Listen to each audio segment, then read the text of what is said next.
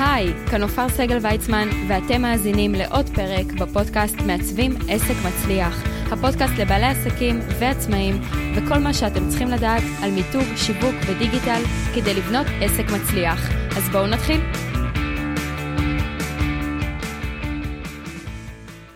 שלום לכל המאזינים, כאן עופר סגל ויצמן, ואנחנו בפינתנו. טוב ששאלת, שאלות שמגיעות מהמאזינים, מהקהל, ורוצים לקבל עליהן תשובה, כדי באמת לפתור כל מיני דילמות ובעיות או דברים שאתם רוצים לדעת על מיתוג, שיווק ודיגיטל. היום השאלה היא של יערה, יערה היא כותבת תוכן, והיא שואלת, נופר שלום, שמי יערה ואני עובדת במשרד פרסום ככותבת תוכן. בנוסף, לפני חצי שנה הקמתי גם עסק עצמאי, ואני כותבת תוכן למספר עסקים קטנים. אני מאוד חוששת לעזוב את מקום העבודה העבודה הנוכחי שלי, כי הכנסות מהעסק עדיין לא גבוהות מספיק מול הוצאות הבית.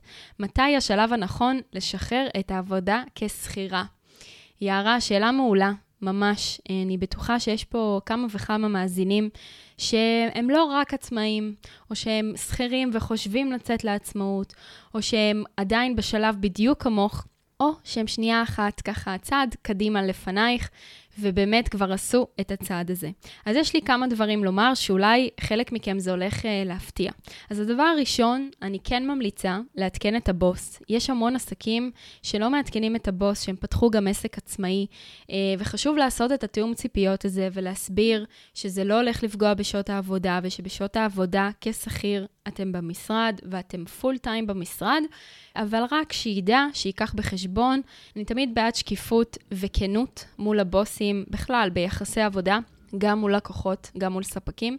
אה, אני חושבת ששם יש את התוצאות הטובות ביותר, ואולי הוא יבין, ויש פעמים שתגידו שאתם לוקחים יום חופש בשביל איזה משהו, זה בסדר גמור. ו- וגם להגיד שכרגע זה בשעות שהן לא בשעות העבודה, וביום שאני אחליט, אני מבטיחה כמובן לעדכן, כרגע אני לא רואה את זה אה, משתנה, אוקיי? זה דבר ראשון, ברגע שאתם פותחים את העסק. הדבר השני זה שגם אתם תבינו מהי חלוקת הזמנים שלכם. אה, מתי אתם שכירים ומתי אתם עצמאים בכל יום. ואני אתן דוגמה. כמו שסיפרתי לכם בפרק 20, אני גם מורה למחול. עכשיו, המזל שלי זה שבעצם, קודם כל אני פרילנס בשני המקומות, אוקיי? זאת אומרת שגם כמורה למחול אני לא באמת שכירה, אני גם שם עובדת עם חשבוניות, אבל באיזשהו מקום אני כן שכירה, כי זה מקום עבודה קבוע עם שעות עבודה קבועות, ובמקרה שלי זה לא התנגש לי בשעות. בעצם במהלך היום הייתי בסטודיו לעיצוב, כעצמאית, ואחר הצהריים הייתי מלמדת. אבל כן היה לי יום בשבוע, שהוא היה יום חמישי, שלימדתי ממש מהבוקר ועד הערב רק במחול. אז תבינו בכלל מהי חלוקת הזמנים גם מול הלקוחות שלכם, כי כל היום לקבל טלפונים מלקוחות לעסק, ולהגיד, אני לא יכולה, אני בעבודה, לא יכולה, אני בעבודה, זה לא המצב. אבל להגיד להם מראש, היי, אה, אני אחזור עלייך בחמש, אני זמינה אחרי חמש. אני יודעת שיש המון אה, שכירים שהם גם עצמאים, שבעצם עד חמש הם בעבודה כשכיר, ומחמש ואפילו עד תשע בערב, עשר בלילה, עונים לטלפונים. אז תתאמו עם הלקוחות את השיחה שלכם כדי שזה לא יתפספס, כי הם זמינים ביום ואתם זמינים אחר הצהריים. זה גם משהו יערה שהוא מאוד מאוד חשוב. הדבר השלישי, וזה לדעתי מה שיפתיע אתכם, לא כל אחד מאיתנו באמת בנוי לקפוץ למים העמוקים כבר מהרגע הראשון. אני יודעת שגם בהרבה סטארט-אפים והרבה מקומות אומרים שכדי באמת להקים את העסק, אתם חייבים אה, לקפוץ למים ולעזוב את העולם השכירים, אה, כדי באמת להשקיע בזה ולהיות פול טיים עצמאי.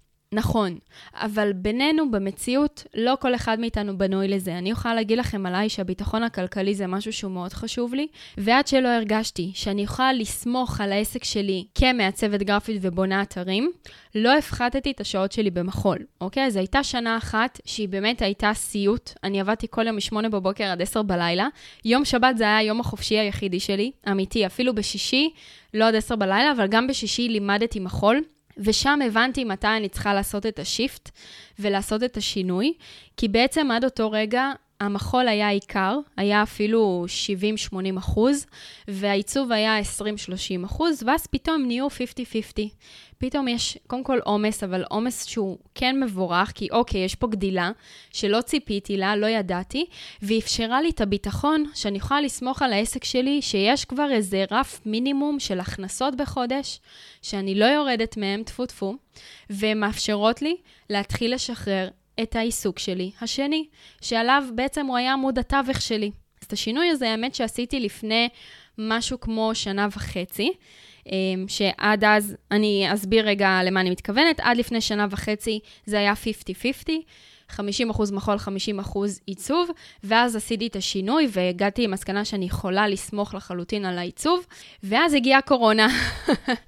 ולמען האמת, אני אפתיע אתכם שסיימתי את שנת 2020 בדיוק כמו שסיימתי אותה, שנה לפני זה שזה היה 50-50, וזה היה החותם שלי שהרגשתי יערה.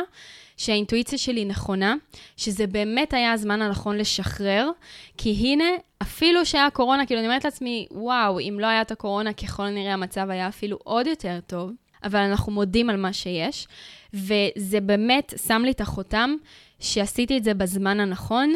אני יודעת שעד אותו רגע, לפני שנה וחצי, לא הייתי בשלה לעזוב ולהפחית שעות במחול. היום אני עדיין אמשיך ללמד מחול כי אני אוהבת את זה, כן? אני לא רואה בזה אפילו כעבודה, כיף לי שזה אפילו מקצוע שאני מקבלת עליו תגמול, אני באמת נהנית שם, אבל במינון הנכון. אני מלמדת פעמיים בשבוע, שעתיים, שעתיים, זה בשעות הערב, מ-6 עד 8 או מ-8 עד 10 בלילה, משהו כזה. ואני ממש שמחה על זה.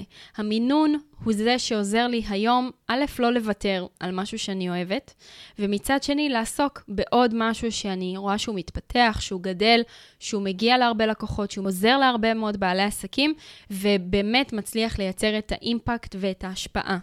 אז חשוב לי להגיד שבחלק הזה, לא כולנו בנויים ישר לקפוץ למים, חלק מאיתנו עדיין צריכים את הביטחון ואת עמוד התווך הכלכלי, כי יש לנו התחייבויות, במקרה שלך, יערה, כמו שכתבת, יש לך ילדים, ואני לגמרי מסכימה, זה לא תמיד הדרך הנכונה.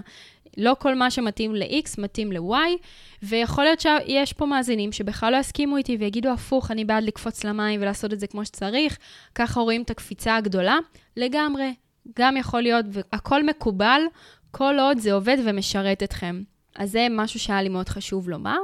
וכמובן, כל מה שקשור לשיווק ורשתות חברתיות.